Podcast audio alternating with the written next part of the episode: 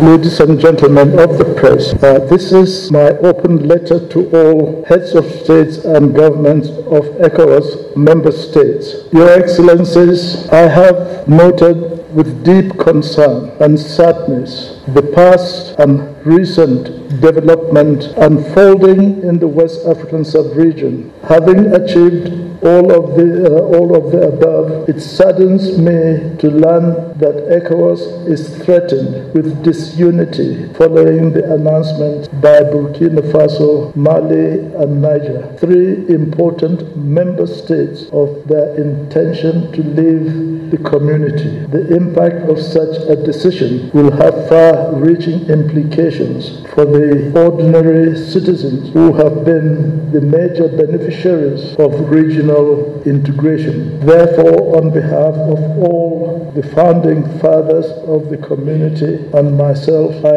urge ECOWAS authority of heads of state and government, including the leaders of Burkina Faso, Mali, and Niger, to put aside their differences, you know, and reunite for the peace, stability, and prosperity of our region. I call on all West African leaders to immediately consider the implementation of the following lifting of all sanctions that have been imposed on Burkina Faso, Guinea, Mali, and Niger. Three, the participation of all 15 ECOWAS heads of state in a summit to discuss the future of the community, regional security and stability, as well as the role of the international community given the current geopolitical context.